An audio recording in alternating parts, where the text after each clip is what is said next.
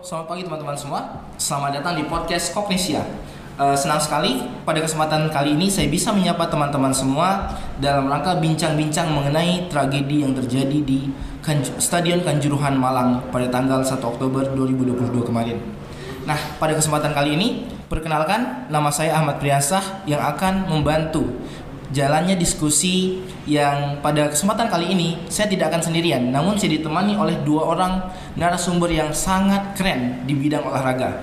Pertama kita memiliki narasumber yakni Pak Naraya Mahendra Prasetya yang merupakan dosen Ilkom UI dan juga salah satu dosen yang memiliki interest atau ketertarikan dalam komunikasi olahraga. Halo selamat pagi Pak Nara. Assalamualaikum, selamat pagi. Bagaimana kabarnya Pak sehat Ya, alhamdulillah sehat. Oke, alhamdulillah. Baik, untuk narasumber selanjutnya kita ada Mas Alif Madani yang merupakan kampus boys ya salah satu dari komunitas BCS supporter PSS Sleman. Selamat pagi Mas Alif. Halo, pagi teman-teman Kokni. Oke, bagaimana kabarnya Mas Alif? Baik. Alhamdulillah baik. Oke. Baiklah teman-teman, pada kali ini eh, seperti yang sudah saya jelaskan sebelumnya, kita akan membahas mengenai tragedi yang terjadi di Stadion Kanjuruhan Malang pada tanggal 1 Oktober kemarin. Ini merupakan salah satu tragedi pedih dan sedih yang terjadi di tengah-tengah segelintir prestasi sepak bola yang dialami oleh timnas Indonesia di tahun 2022 ini. Dan di sini eh, kita akan membahas mengenai perspektif apa yang terjadi di balik Kanjuruhan dan bagaimana uh, prospek ke depannya terhadap sepak bola Indonesia.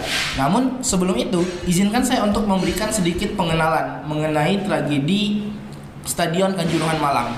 Seperti yang kita ketahui, eh, tragedi ini terjadi pada tanggal 1 Oktober 2022. Pada saat itu em, terjadi pertandingan antara Persebaya Surabaya melawan Arema Malang. Arema yang di pertandingan sebelumnya telah mengalami kekalahan dari beberapa klub seperti Persib, Persija. Di pertandingan kali ini tentunya memiliki tekanan tinggi untuk bisa memenangi pertandingan. Namun pada akhirnya Arema harus mengakui kekalahan dari Persebaya dengan skor 3-2. Bahkan yang sangat sedih lagi adalah pada babak pertama saja Persebaya sudah unggul 2-0 yang kemudian pada akhir pertandingan hal ini memicu kemarahan dari beberapa oknum supporter dengan cara mereka masuk ke dalam stadion kemudian eh, mengungkapkan ekspresi kemarahan mereka tersebut. Hal ini kemudian diikuti oleh eh, supporter-supporter yang lainnya dan polisi sebagai petugas keamanan saat itu eh, mereka me- apa ya coba untuk mengontrol kondisi agar eh, lebih kondusif lagi. Salah satu caranya adalah dengan melemparkan gas air mata. Namun sayangnya eh, pelemparan gas air mata ini tidak membuat kondisi kondisi semakin kondusif, namun malah menjatuhkan korban jiwa yang menurut rilis media em, terdapat lebih dari 120. Ada berbagai perbedaan di sini. Ada yang menyebutkan 125, ada yang menyebutkan 126.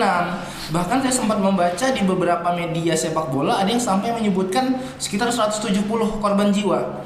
Namun berapapun jumlahnya ini merupakan salah satu kepedihan bagi sepak bola Indonesia karena dengan statistik sekitar 120 atau lebih berarti kita masuk dalam tiga besar tragedi sepak bola dunia yakni yang pertama terjadi di Peru sekitar tahun se- 1964 dan kemudian di Ghana yang terjadi tahun 2002. Nah, di Peru sendiri korbannya ada sekitar 300 orang, di Ghana ini 125. Jadi kalau misalkan kita korbannya 125, 126, kita masuk antara top 2 atau top 3.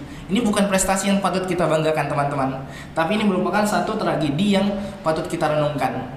Nah, mungkin untuk membuka obrolan kita pada kali ini, saya ingin coba untuk em, membahas, mengulik bagaimana pandangan dari kedua narasumber mengenai tragedi ini.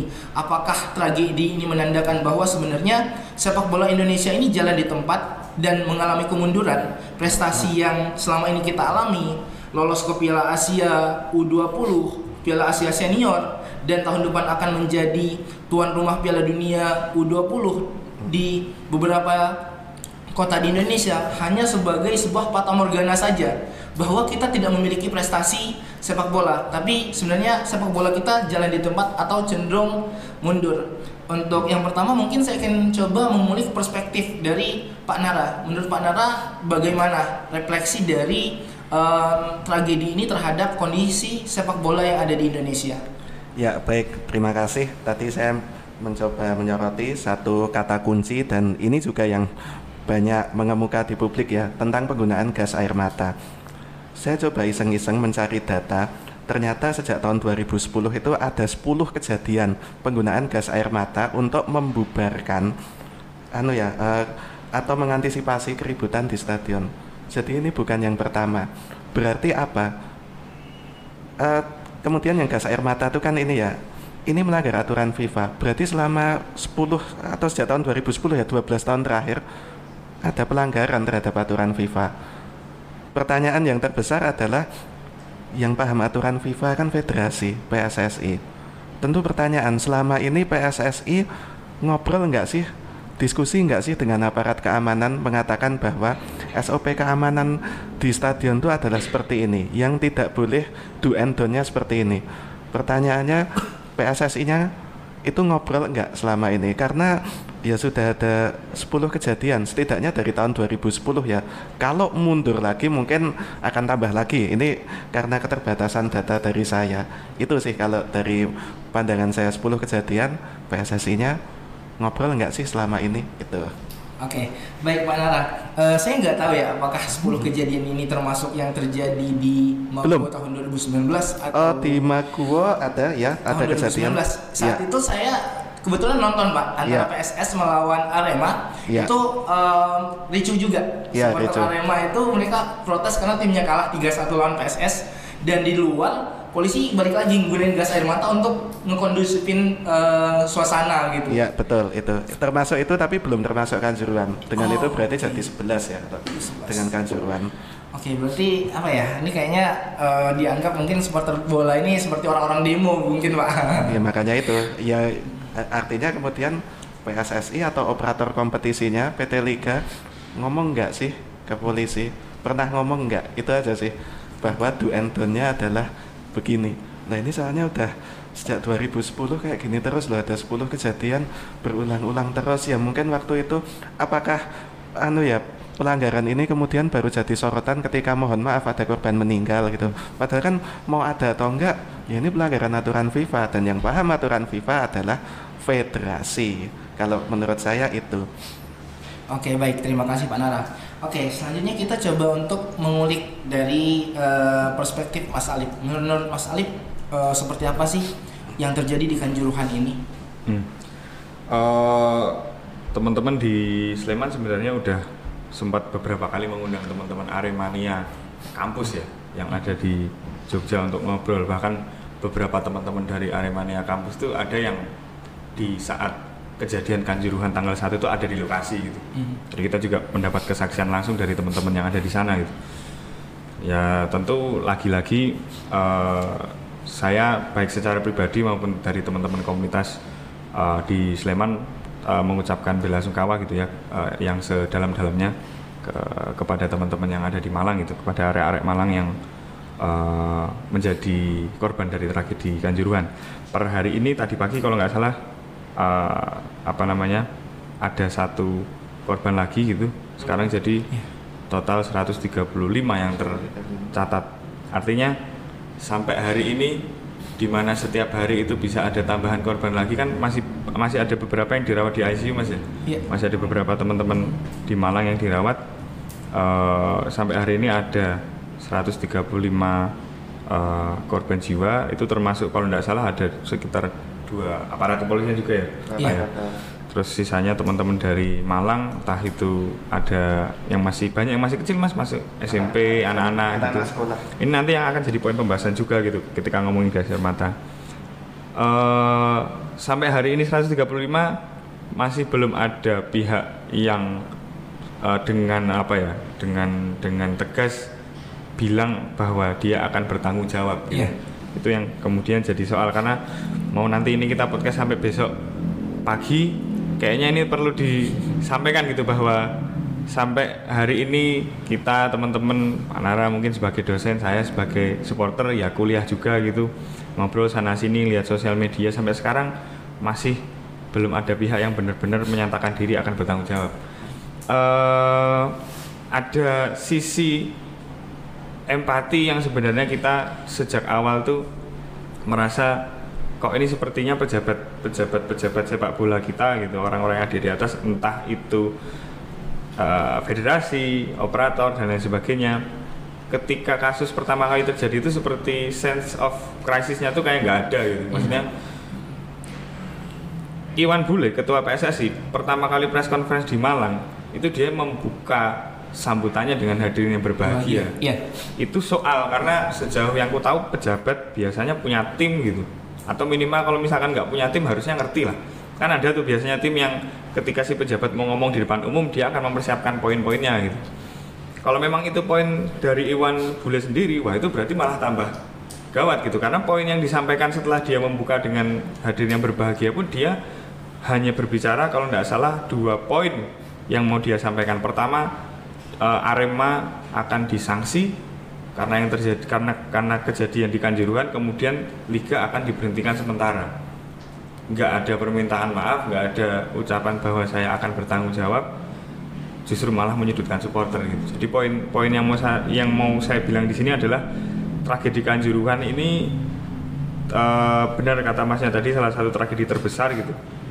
Sebenarnya bisa jadi titik balik gitu untuk bisa merubah eh, apa namanya sepak bola kita secara benar-benar ya sistemnya federasi gimana struktur. Karena setelah teman-teman ulik ternyata banyak dari peraturan-peraturan di federasi itu yang sebenarnya bahasanya tuh raceto lah. Maksudnya ambiar gitu loh. Karena di kasus-kasus semacam ini ternyata dia masih aja bisa bilang bahwa lo negara nggak bisa intervensi misalkan. Itu kan yang paling sering diucapkan. Nanti barangkali Pak Nar bisa nyambung soal itu. Karena sejauh mana sih sebenarnya PSS itu bergantung juga dengan negara gitu. Dan sejauh mana juga posisi supporter dalam sepak industri sepak bola di Indonesia tuh uh, berpengaruh gitu. Tapi nyatanya supporter sering kali justru malah lebih gampang dijadikan kambing hitam gitu. Ketika misalkan ada permasalahan dalam sepak bola supporter dianggap sebagai biang keladi kerusuhan gitu. Tapi ketika untung ya wis keuntungannya hanya diambil sama orang-orang yang katakanlah bermain di situ dan ternyata nggak banyak juga gitu kan orang-orangnya. Maksudnya hanya itu itu aja. Ada ada kayak semacam lingkaran ekonomi politik sepak bola di Indonesia tuh yang memang ya sebenarnya hanya dikuasai sama beberapa orang aja gitu. Nah sema- sekarang ke mana gitu? Ketika kita mengharapkan perubahan klub Liga 1 yang ada 18 itu yang bersuara cuma Persis Solo gitu. Iya. dan klub-klub lain bahkan PSS sendiri misalkan ya itu mungkin berbanding terbalik dengan supporternya yang cenderung eh, apa namanya mendukung eh, usut tuntas dari tragedi Kanjuruhan. PSS kemarin tak lihat rilisnya cenderung main aman gitu. Dan ya lagi-lagi tragedi Kanjuruhan memang betul supporter turun ke lapangan tapi kita di Sleman juga pernah turun gitu. Teman-teman di tempat lain aku pikir pitch, in, pitch invasion tuh sudah terjadi beberapa kali lah. Dan kita juga harusnya bisa lihat penanganannya kayak apa sih gitu waktu 2017 atau 2018 ya 2017 kayaknya PSS ya, supporternya turun ke lapangan tuh pasca kalah sama Persis Solo kalau nggak salah PSPS Pekanbaru. Oh, PSPS Pekanbaru, Iya. golnya Ricky Dwi yang sekarang jadi pemain Iya. PSS. Eh itu bikin Jadi kita nggak lolos. ya, delapan besar bikin nggak kita nggak lolos, teman-teman turun cuman dalam suasana haru yang Oke kita akan coba lagi musim yang akan datang gitu. Waktu itu disetelkan mus, jadi di Maguwarjo itu ada speaker mas. Iya. Dan speakernya itu ketika halftime biasanya nyetel musik. Waktu pertandingan selesai itu adalah salah, ada salah satu lagunya teman-teman supporter judulnya Sleman Aja itu disetel. Memang dia melodinya lagunya cukup haru gitu. Jadi suasana mereka pada turun supporter turun tuh ya turun ke lapangan untuk menyemangati apa namanya pemain-pemainnya gitu dibeluk ini dan lain sebagainya. Itu pernah terjadi dan saya menyaksikannya sendiri gitu. Ketika ngomongin kanjuruhan kalau nggak salah satu bulan sebelum kanjuruhan terjadi itu teman-teman di Surabaya juga turun ke Gelora Delta pak ya? Iya, Gelora Delta. itu eh, tapi pengamanannya pun juga apa namanya pengkondisiannya juga ya nggak ada korban gitu sejauh yang tahu. Tapi kenapa lagi-lagi ini bisa terjadi ya saya sepakat sekali bahwa salah satu faktor utamanya puncak chaosnya itu terjadi itu karena penembakan gas air mata ke tribun Iya. dan itu ternyata kan banyak anak kecil orang tua gitu sangat disayangkan Oke, baik. Terima kasih Mas Alif eh, untuk eh, jawabannya. Ini sebenarnya ada beberapa poin yang bisa di-highlight dari eh, pernyataan baik dari eh, Pak Nara maupun dari Mas Alif tadi. Em, cuman mungkin saya coba untuk meng-highlight yang eh, mengenai gas air mata. Apakah sebenarnya gas air mata ini satu-satunya solusi yang bisa dilakukan untuk menghentikan em, kerusuhan yang terjadi di stadion atau eh, jangan bilang kerusuhan lah uh, pitch invasion yang dilakukan oleh uh, supporter. Apakah tidak ada cara lain uh, yang menurut Pak Nara dan Mas Alif sebenarnya bisa dilakukan? Mungkin saya uh, di kesempatan kali ini ingin mendengar pendapat dari Mas Alif terlebih dahulu.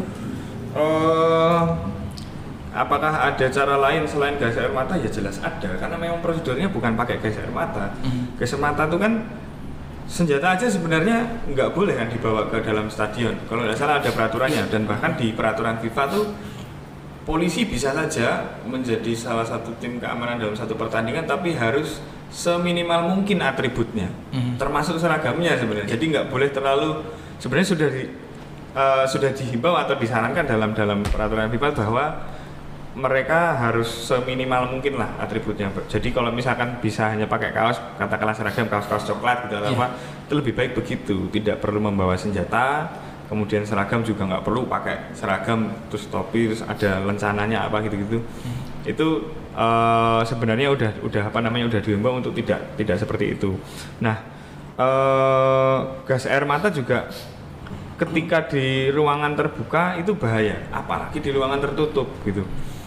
Artinya harusnya ada pertimbangan dari pihak keamanan dalam hal ini ketika kita bicarakan juruhan ternyata yang ada di dalam stadion kan ada kalau ada TNI juga Iya. dan ada aparat kepolisian juga gitu. Maksudku itu stadion.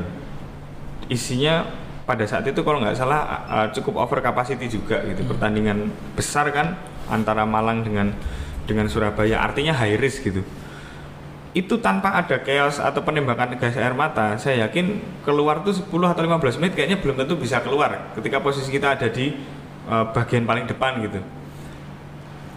Dan di banyak stadion tak pikir eh, di kondisi yang biasa-biasa aja untuk keluar di masa yang sangat banyak tuh biasanya nggak lam- eh, harus memakan waktu agak lama gitu. Eh, pengamanan yang bisa dilakukan harusnya juga mempertimbangkan bahwa ini kondisi crowd banyak dan ini ketika gas air mata ditembakkan orang pasti akan panik dan akan berdesakan keluar. Ternyata yang ditembakkan lebih parahnya lagi di videonya investigasinya narasi itu ada tembakan yang ditembakkan ke arah pintu keluar. Iya. Pintu 13 ya, Mas? pintu 13 kalau nggak salah ya? Iya. pintu 13 sama pintu 12 pokoknya yang jajaran itu. Ini kan gimana ya? Eh kita saya pernah kena gas air mata gitu. Maksudnya di di apa namanya area stadion yang waktu Arema sama PSS di apa namanya? Di Maguwo. Du- di Mago 2019 di luar event-event uh, sepak bola juga apa namanya kadang-kadang uh, sempet lah maksudnya ngalami ngalami apa namanya kena gas air mata. Emang rasanya pedih gitu. Cuman kayaknya kalau yang tak lihat dari video dan beberapa kesaksian yang ditembakkan di Kanjuruhan tuh kayaknya lebih ini lagi gitu. Saya nggak begitu paham ya kandungan atau ininya berbahaya atau enggak karena kan beberapa ada yang ngeklaim bahwa gas air mata nggak berbahaya. Polisi di awal ngeklaim itu sesuai prosedur tapi Iya. ternyata kan proyektil yang ditembakkan sama Brimob tuh sekali nembak dia mecah jadi lima. Kalau punyanya Sabara dia sekali nembak cuma satu tapi asapnya lebih uh, tebal ternyata dua-duanya sama sama-sama bahaya ketika kita bicara itu memicu kepanikan gitu Em, salah satu cara pengamanan yang sebenarnya bisa mengusir penonton ketika mereka turun ke lapangan dan nggak kondusif tuh biasanya polisi punya anjing K9 tuh loh mas Hmm, oke. kalau nggak salah kemarin juga ada di Malang gitu Iya, ada kemarin, Mas. dan teman-teman di Malang kayaknya sempat sempat mundur juga ya ketika itu dilepas kan salah Iya. satu salah satu anjingnya selain selain mengandalkan apa yang dibawa sama polisi sebenarnya ada barangkali ada cara lain. Misalkan petinggi klubnya atau peting atau kapten pemainnya dipasrahi mic terus kemudian ngomong. Itu bisa ngerem. Beberapa kali kejadian di misalkan di Sleman gitu ketika ada apa namanya rame nanti eh, kita dari teman-teman supporter eh, kita pernah juga menyarankan supaya nanti di depan yang ngomong kalau bisa ada kapten Munyeng misalnya, ada Bagus Nirwanto. Karena siapa yang akan menghajar apa namanya seseorang di depan kapten klub kesayangannya dia. Itu kan ada, ada sebenarnya bisa di bisa diarahkan begitu. Beberapa kali klub-klub seperti Bali United pun ketika Iya. mereka bermain Waktu buruk, protes Irfan Badim. Iya. Irfan Badim Irfan turun Badim, gitu. iya, Ketika iya. kita bicara Persija, Haji Ismet misalkan, Iya. misalkan apa nanti Ismet Sofyan turun. Itu sebenarnya yang bisa di, di, di apa namanya katakanlah dipakai gitu sama klub untuk berusaha menenangkan masa. Di satu sisi nanti di saat yang bersamaan perwakilan dari pemain, kapten atau apa yang disegani itu berdampingan katakanlah misalkan dengan tetua supporternya atau siapa. Itu biasanya melerem gitu. Karena supporter se apa namanya seribut-ributnya mereka biasanya ada satu dua atau tiga orang yang ketika mereka bilang A itu ya mereka biasanya akan pekewuh nih bahasanya kita apa ya istilahnya? Ya ya akan cenderung mengikuti lah segan. Segan gitu. Jadi ya eh, itu sih kalau menurutku beberapa cara yang bisa dilakukan untuk mengamankan satu situasi untuk mengondisikan satu situasi selain menggunakan gas air mata Oke baik terima kasih uh, Mas Alip untuk uh, tanggapannya.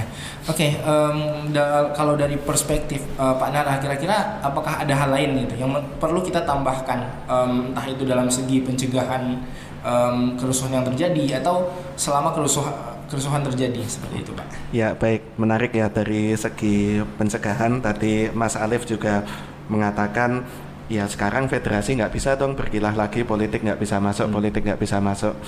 Politik kan maknanya banyak ya ketika mengatur mengelola satu masyarakat itu juga politik dan dalam momen ini mungkin adalah saatnya politik tuh masuk untuk perbaikan sepak bola.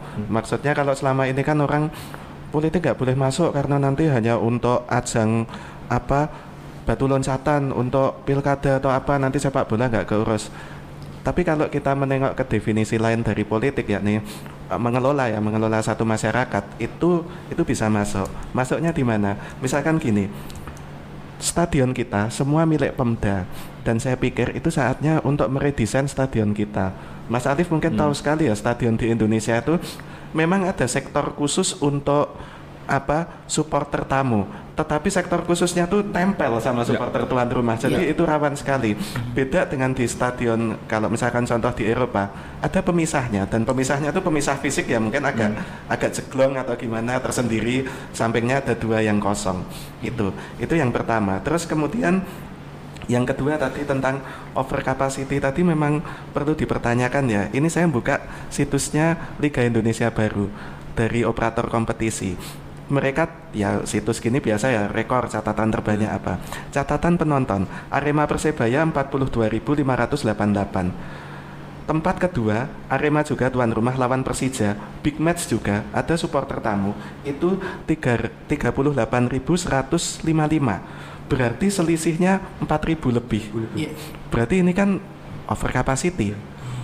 Nah, ini juga anu ya apa yang saya pikir juga perlu diatur juga ya eh, panpel segala itu mungkin juga perlu perlu ini juga perlu apa juga lebih bijak lah jangan mentang-mentang oh ini akan menarik animo banyak orang terus kemudian jadi crowded sekali seperti itu. Terus kemudian eh, selanjutnya tentang ini nih satu hal yang namanya mitigasi bencana. Iya. Ini mungkin apa pemerintah BPBD itu juga perlu ini juga ya perlu berperan dalam uh, mitigasi bencana ini. Karena bencana kalau menurut undang-undang kebencanaan di Indonesia tahun 2007 kalau nggak salah itu bencana kan ada bencana alam bencana sosial. Selama ini yang diantisipasi itu bencana alam mengungsi mitigasi bencana alam. Yang seperti ini sepertinya belum gitu loh. Kalau apa dari sebatas yang saya tahu uh, mengantisipasi bencana sosial misalkan keributan dalam sepak bola itu belum. Nah di sini mungkin saatnya ya yang namanya politik dengan definisi bahwa politik itu adalah mengatur masyarakat mengelola masyarakat itu perlu masuk kalau dari saya itu Oke, baik terima kasih uh, Pak Nara. Oke, memang kalau misalkan kita mikirin masalah sepak bola Indonesia, kita nggak bisa lepas dari politik gitu. Uh, salah satu yang bisa tercermin mungkin kalau kita ngelihat pure definisi politik adalah kita bisa melihat uh, jejak dari mantan ketua umum kita, ketua umum PSSI kita. ya ada Pak Edi Rahmayadi yang sekarang jadi em, gubernur Sumatera Utara.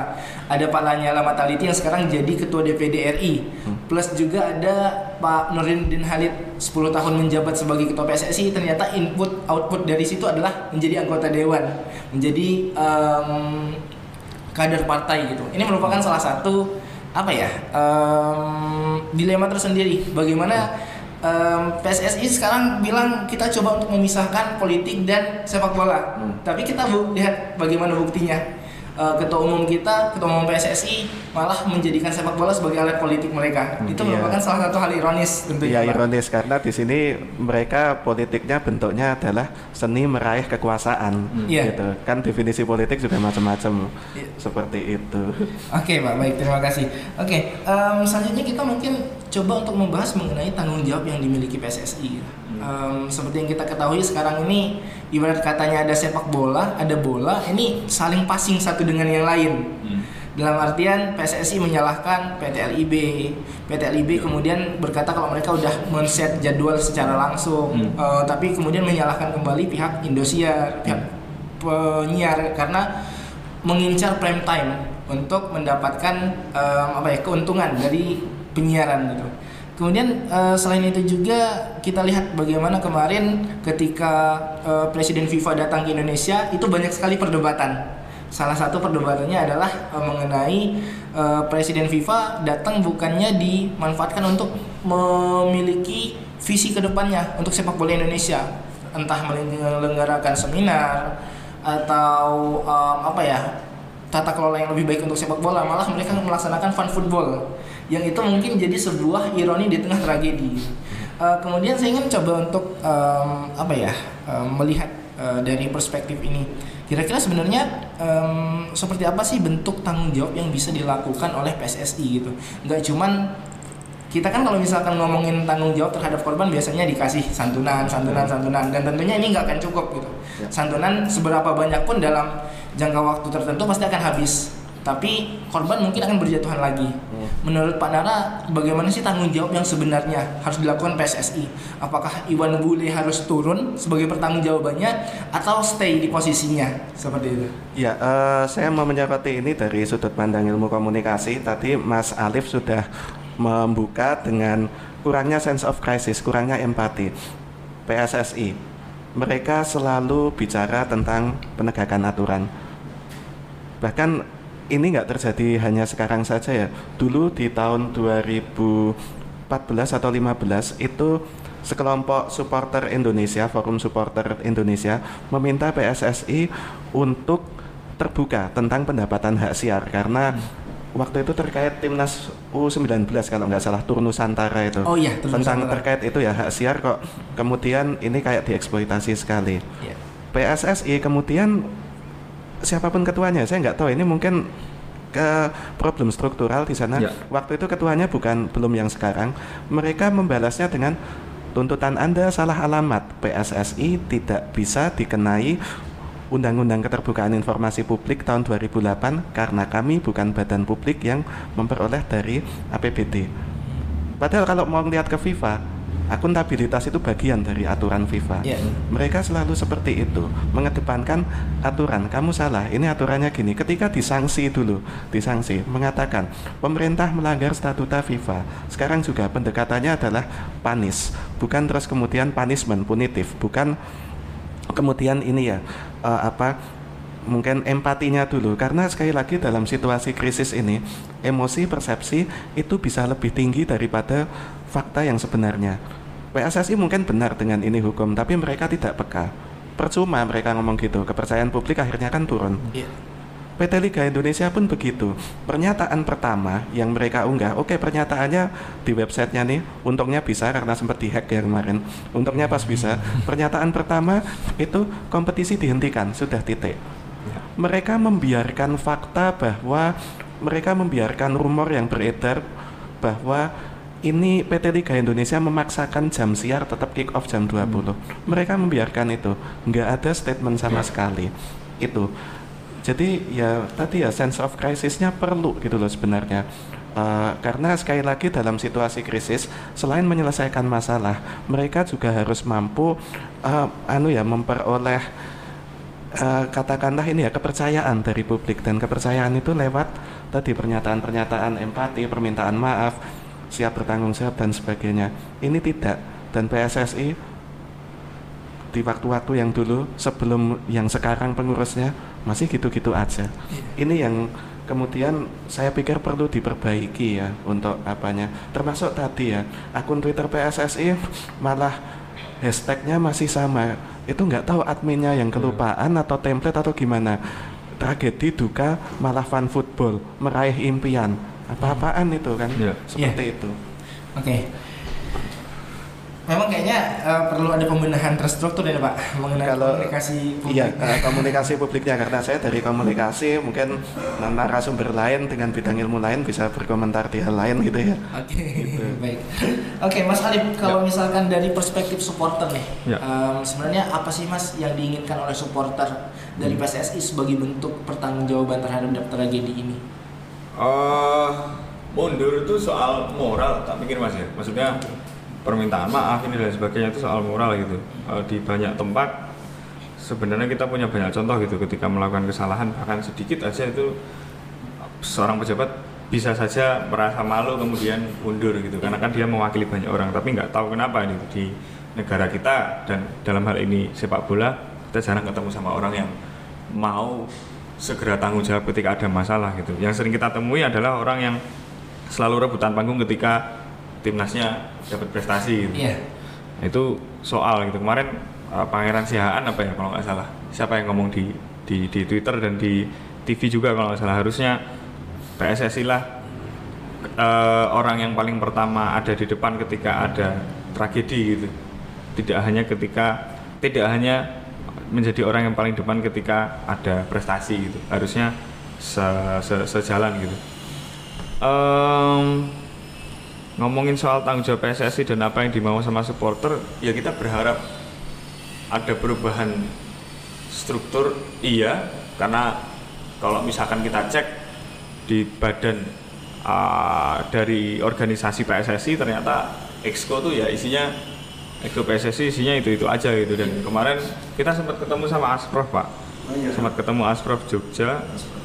Uh, kita banyak diskusi, kita banyak cerita soal bagaimana kemudian struktur yang ada di dalam PSSI pun hari ini per hari ini ya sebenarnya apa yang uh, sempat sempat diceritain juga bahwa modelnya kalau di PSSI itu siapa yang jadi ketua tuh nanti dia mencalonkan diri gitu, mencalonkan diri untuk jadi ketua dan setelah dia jadi ketua tuh sudah ada orang-orang yang di, di dalam di dalam tubuh si organisasi sudah ada orang. Beda ketika di tempat lain kan biasanya ketua jadi ya kamu akan milih tim kan gitu. Iya. Siapa yang ada di sini, siapa yang di sini.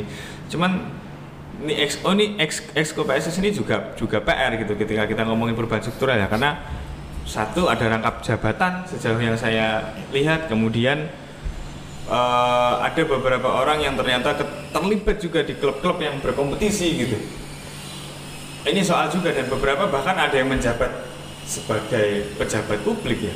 DPR DPR atau DPD ya? Aku lupa. Ya, ini soal gitu. Artinya benar tadi Pak Nana bilang soal PSSI selalu ngomongin peraturan selalu ngomongin apa namanya pasal A B C D F G ketika dia di apa namanya datangi. Tapi secara struktur mereka tak pikir ruwet dan peraturan-peraturan yang ada di dalam tubuh PSSI pun juga sebenarnya nggak mendukung untuk bisa bikin PSSI itu jadi lebih baik gitu. Karena selalu justru malah selalu dipakai sebagai dalih aja gitu.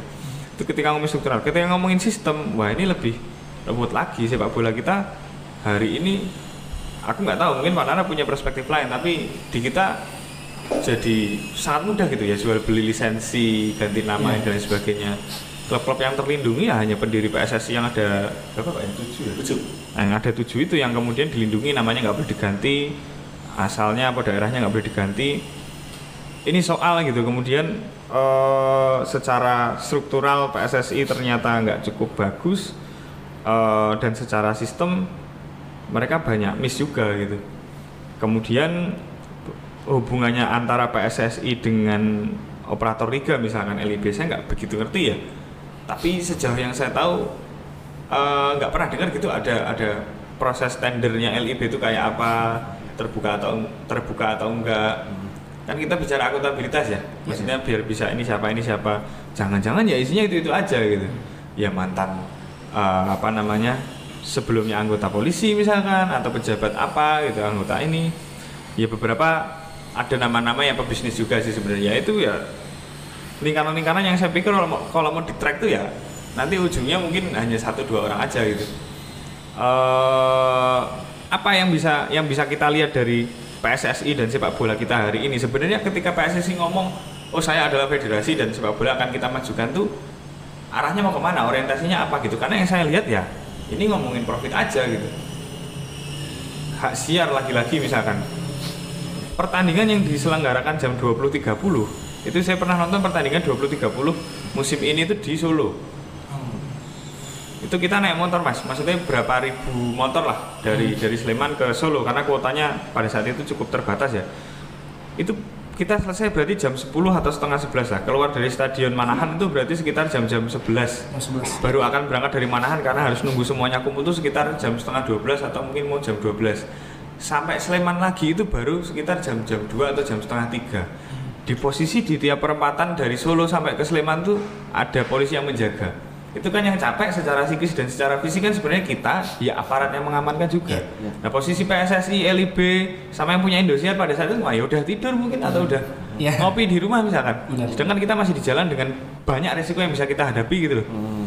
polisi juga bisa jadi ketika ada chaos atau apa mereka akan pulang lebih pagi lagi itu misalkan ketika kita ada chaos bisa jadi ada satu atau dua orang yang mau nggak mau eh, terluka atau apa itu resiko-resiko yang selalu ditanggung sama supporter dan kayaknya kok nggak dipertimbangkan gitu sama orang-orang yang mengelola.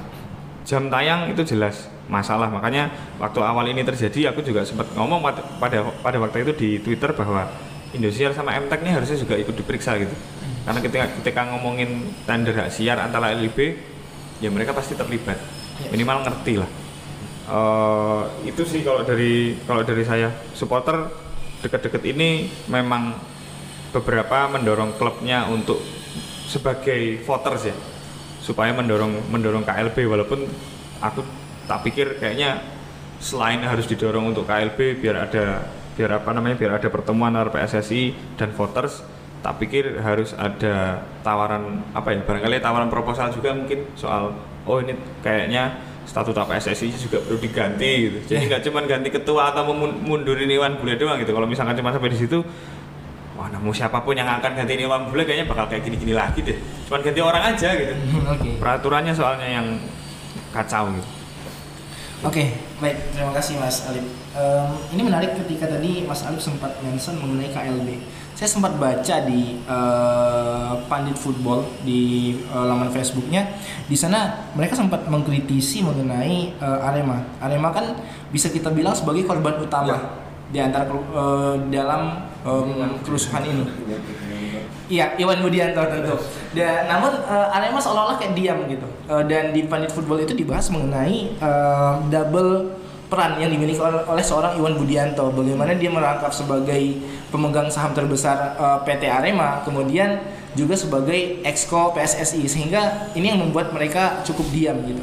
Em, mengenai KLB ini sendiri, apakah sebenarnya KLB ini hanya bisa em, apa ya kita jadikan sebuah solusi saja untuk em, perbaikan atau em, evaluasi sepak bola Indonesia atau sebenarnya bis, eh, KLB ini bisa menjadi agenda lain em, untuk sepak bola Indonesia yang em, apa ya yang tidak hanya aman dari konflik tapi juga berprestasi gitu. Karena kalau kita ngomongin prestasi oke di em, kelompok umur kita banyak prestasi. U17 ter- terbaru kemarin mereka juara AFF gitu. Tapi kalau senior ini udah kering banget mas. Sekitar 30 tahun mungkin sejak eh, Asian Games 1991 Eh, mungkin Mas Alif ada tanggapan mengenai ini Eh, soal apa nih? KLB KLB ya. Soal KLB ya balik lagi ke yang tadi aku ngomongin ya. Maksudnya ini momen untuk sebenarnya kita sama-sama ngupas gitu sepak bola Indonesia tuh. Ruwetnya tuh sebenarnya intinya eh, ada di titik-titik mana aja sih. Tadi kan aku udah mention beberapa kayak misalkan secara struktur mereka goyang jelas. Itu masalah. Ada orang yang jabatannya apa namanya rangkap-rangkap ini dan lain sebagainya. Secara sistem peraturan mereka juga ternyata banyak yang timpang gitu. Statuta PSSI eh, tak pikir juga soal dari situ harusnya nanti kebuka lagi oh sebenarnya kepentingan PSSI, LIB, pemilik-pemilik klub yang ternyata saling terhubung ini apa sih di sepak bola karena aku mau ngingetin soal posisi supporter yang sering kali ya nggak dianggap sebagai stakeholder Iya. gitu maksudnya ya kita cuman akan dihitung sebagai angka aja maksudnya kalau di websitenya ini tadi LIB apa PSS ini ya dihitung sebagai si 45 45 ribu sekian itu Iya. 5 35 ribu sekian itu yang ya akan divaluasi aja gitu. Itu nilainya cuma uang doang berarti Iya, ya mas? ya duit aja gitu. Maksudnya orientasinya komersil. Kayak misalkan aku juga agak sanksi gitu ya ketika FIFA datang ke sini. Kenapa orang-orang pada berharap FIFA akan menyelamatkan sepak bola kita gitu? FIFA juga orientasinya kan komersil. Iya benar banget.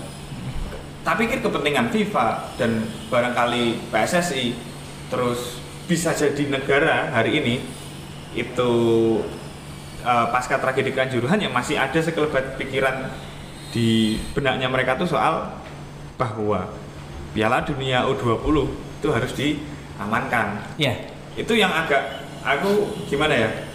Sampai sampai di titik yang wah kok bisa ya di situasi semacam ini bahkan Menpora kalau nggak salah pasca tragedi H plus satu tragedi atau kalau nggak kalau nggak H plus satu malah hari H tragedi dimintai statement dia bilang semoga kita nggak disanksi FIFA karena tahun depan kita akan Tuan rumah uh, menjadi tuan rumah.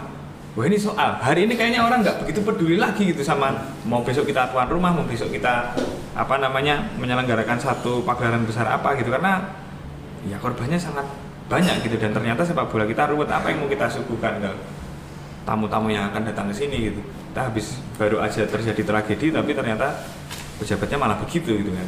Suara-suara soal dukungan terhadap Kanjuruhan tuh datang tidak hanya dari sesama supporter di lokal ya, tapi di dari luar juga gitu. Termasuk Jerman. klub ya, Iya. klub luar juga. Terutama Jerman gitu yang uh, tribun-tribun yang ultras lah biasanya. Hmm. Iya. Yang mereka Munchen. emang biasa pakai banner, tifo ini dan sebagainya. Munchen, uh, Yellow Wall, Dortmund, uh, dan beberapa Swiss, San, San Gallen, terus sama beberapa klub di Jerman lagi. Eh di Spanyol juga ada Real Madrid kemarin. eh Moment of Silence ya, Real Madrid ya? Real Sebelum Madrid. main ya.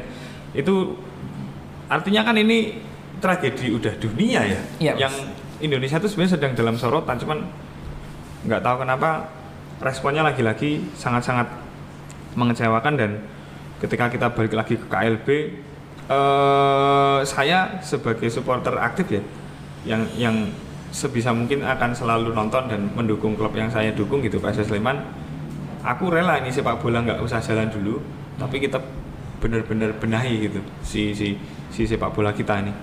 Eh, misalkan tetap jalan pun aku kayaknya akan memilih untuk nggak ke tribun dulu gitu dan apa namanya ya akan akan terus menggaungkan si hashtag usut tuntas tragedi juruhan. Karena tak pikir dari 130 yang 135 yang sampai saat ini tercatat meninggal tuh tentu ada orang tua yang masih apa ya apa eh, sedih lah. Ya orang tua ya teman. Nggak aku nggak bisa bayangin ya ketika dalam satu pertandingan bisa sebanyak itu pas pasti dukanya sangat-sangat mendalam. Bahkan kebijakan negara justru kalau nggak salah yang terakhir kanjuruhan mau di Dirubuhkan. mau dirubuhkan dan, Dan terus mau dibikin baru. stadion yang baru. Tak pikir ya oke. Tadi Pak Nala juga sempat mention soal infrastruktur eh, stadion kita ini memang banyak yang nggak layak gitu PSM yang udah sampai AFC aja kalau nggak salah stadion sebelum Mato Angin tuh isi apa Pak? Ya maksudnya eh secara secara bangunan itu sebenarnya sederhana apa namanya eh, cukup sederhana. Saya nggak saya eh, nggak begitu ngerti detailnya apakah apa namanya lisensi AFC atau standar FIFA stadionnya itu harus bagaimana tapi sejauh yang tak tahu banyak stadion-stadion di kita yang dibangun dengan APBD itu kayaknya kok belum memenuhi standar terutama standar eh, safety security apa namanya ketika ada inilah apa namanya ketika ada chaos. Kemarin tuh Asprof ngomongin soal kalau tiba-tiba ada gempa atau tiba-tiba merapi kenapa gitu ini nanti stadion di situ pengamanannya pengamanannya kayak apa. Itu kayaknya masih belum banyak yang uh, benar-benar memperhatikan itu gitu. Itu soal. Jadi ketika mau nantinya ada KLB ya poin-poin yang tadi itu yang harus dibahas ketika ngomongin stadion ya terutama soal safety keamanannya gitu itu sih Oke, eh, thank you Mas Alif untuk eh, jawabannya. Selanjutnya mungkin kita minta tanggapan terakhir dari eh, Pak Narah mengenai KLB ini bagaimana Pak? KLB mungkin hanya bisa mengganti pengurus saja ya, mengganti pengurus. Kalau KLB tanpa diikuti misalkan apa revisi terhadap statuta PSSI, terhadap aturan, terhadap struktur ya sama aja gitu kan. Ganti orang doang. Terbukti kayak gas air mata tadi di era ketua siapa pun setidaknya sejak tahun 2010 masih udah terjadi gitu kan. Eh, tadi juga Mas Alif juga menyampaikan banyak hal tadi ya tentang akuntabilitas semangat untuk itu kayak tadi tender untuk operator kompetisi kita nggak pernah tahu ditenderkan ke siapa beda dengan olahraga lain ya ada jelas kontraknya dipublish sama pihak ini sekian tahun. Itu. Di luar yang lingkaran secara struktural sepak bola tadi tentang hak siar peran media juga penting di sini. Ya media mungkin diharapkan setelah kejadian ini tidak tidak kemudian memaksakan ini ya toh sepak bola itu mau ditayangin jam berapapun ratingnya dapat Iya. kan ini ditayangin malam persoalannya karena harus ngalah sama acara lain Iya, benar. harus ngalah sama acara lain dulu pas saya masih kuliah sekitar tahun 2003an tuh tayang setengah empat sore itu Iya. Iya. di TV nggak masalah gitu Ya. kan problemnya ini pengaturan programming di TV ini biar anu ya apa karena tadi main malam tuh memang berisiko selain berisiko bagi penonton kesehatan pemain pun juga berisiko Iya, kan sebenarnya benar. itu itu dari segi media tentu juga mungkin perlu ada perubahan dan tentu kalau media hak siar ini kan tentu nggak nggak ini juga ya nggak kaitan langsung gitu. Tapi mungkin nanti federasi atau operator kompetisi ketika deal-dealan mengatakan karena faktor keamanan pertandingan maksimal jam sekian gitu itu Ya. itu dari segi media. Hal lain yang saya pikir bisa dipetik pelajaran dari ini adalah dari supporter pergerakan pergerakan-pergerakan aktivisme dan connective action. Connective action itu satu konsep dalam anu ya dalam teknologi komunikasi tindakan terhubung yang terhubung dengan internet. Pasca kejadian ini supporter selain satu tadi menyatakan simpati usut tuntas yang kedua hal yang perlu diapresiasi dari supporter mereka sepakat untuk memulai perdamaian dengan supporter rivalnya. Entah itu Arema atau mungkin mereka punya rival Ya. dari yang lain dan tadi ya mendesak klub supporter mungkin harapannya ke depan bisa lebih berperan karena ini di Undang-Undang Sistem Keolahragaan Nasional yang baru sekitar Februari 2022 itu memungkinkan supporter punya saham gitu. Ketika supporter memungkinkan punya saham, artinya supporter bisa turut anu ya mempengaruhi kebijakan klub. Nah, ketika supporter minta, ayo klub bersuara, ayo suarakan ini. Mereka legal, mereka sah gitu. Seperti itu kalau dari saya. Oke, baik. Terima kasih eh, Pak Nara dan juga Mas Alif untuk eh, tanggapannya dan juga sharing yang ki- kita dapatkan pada hari ini. Namun sayang sekali teman-teman pendengar em, karena durasi waktu yang terbatas, maka eh, di sinilah akhir dari perbincangan kita mengenai tragedi Kanjuruhan. Satu hal yang dapat saya kutip pada eh, kesempatan kali ini adalah bagaimana ketika tragedi ini terjadi, kita bukan saatnya lagi untuk memikirkan mengenai prestasi, mengenai bagaimana kiprah kita di Piala Asia U20 senior, kemudian Piala Dunia U20 2023 nanti. Tapi sudah saatnya kita untuk uh, berhenti sejenak dan memikirkan bagaimana nasib sepak bola Indonesia ke depannya. Jangan sampai jatuh lebih banyak kor- korban ke depan, entah itu di dalam stadion maupun di luar stadion. Apalagi 2022 bukan cuman tahun prestasi, tapi juga tahun duka. Sebelum itu tentunya sudah banyak tragedi em, supporter meninggal. Bahkan hampir tiap minggu dari saya dengar dari Persib, dari PSS, Persis Solo, para supporter meninggal sebelum ke- kejadian ini. Dan ini merupakan salah satu cerminan sepak bola Indonesia yang sudah saatnya kita benahi.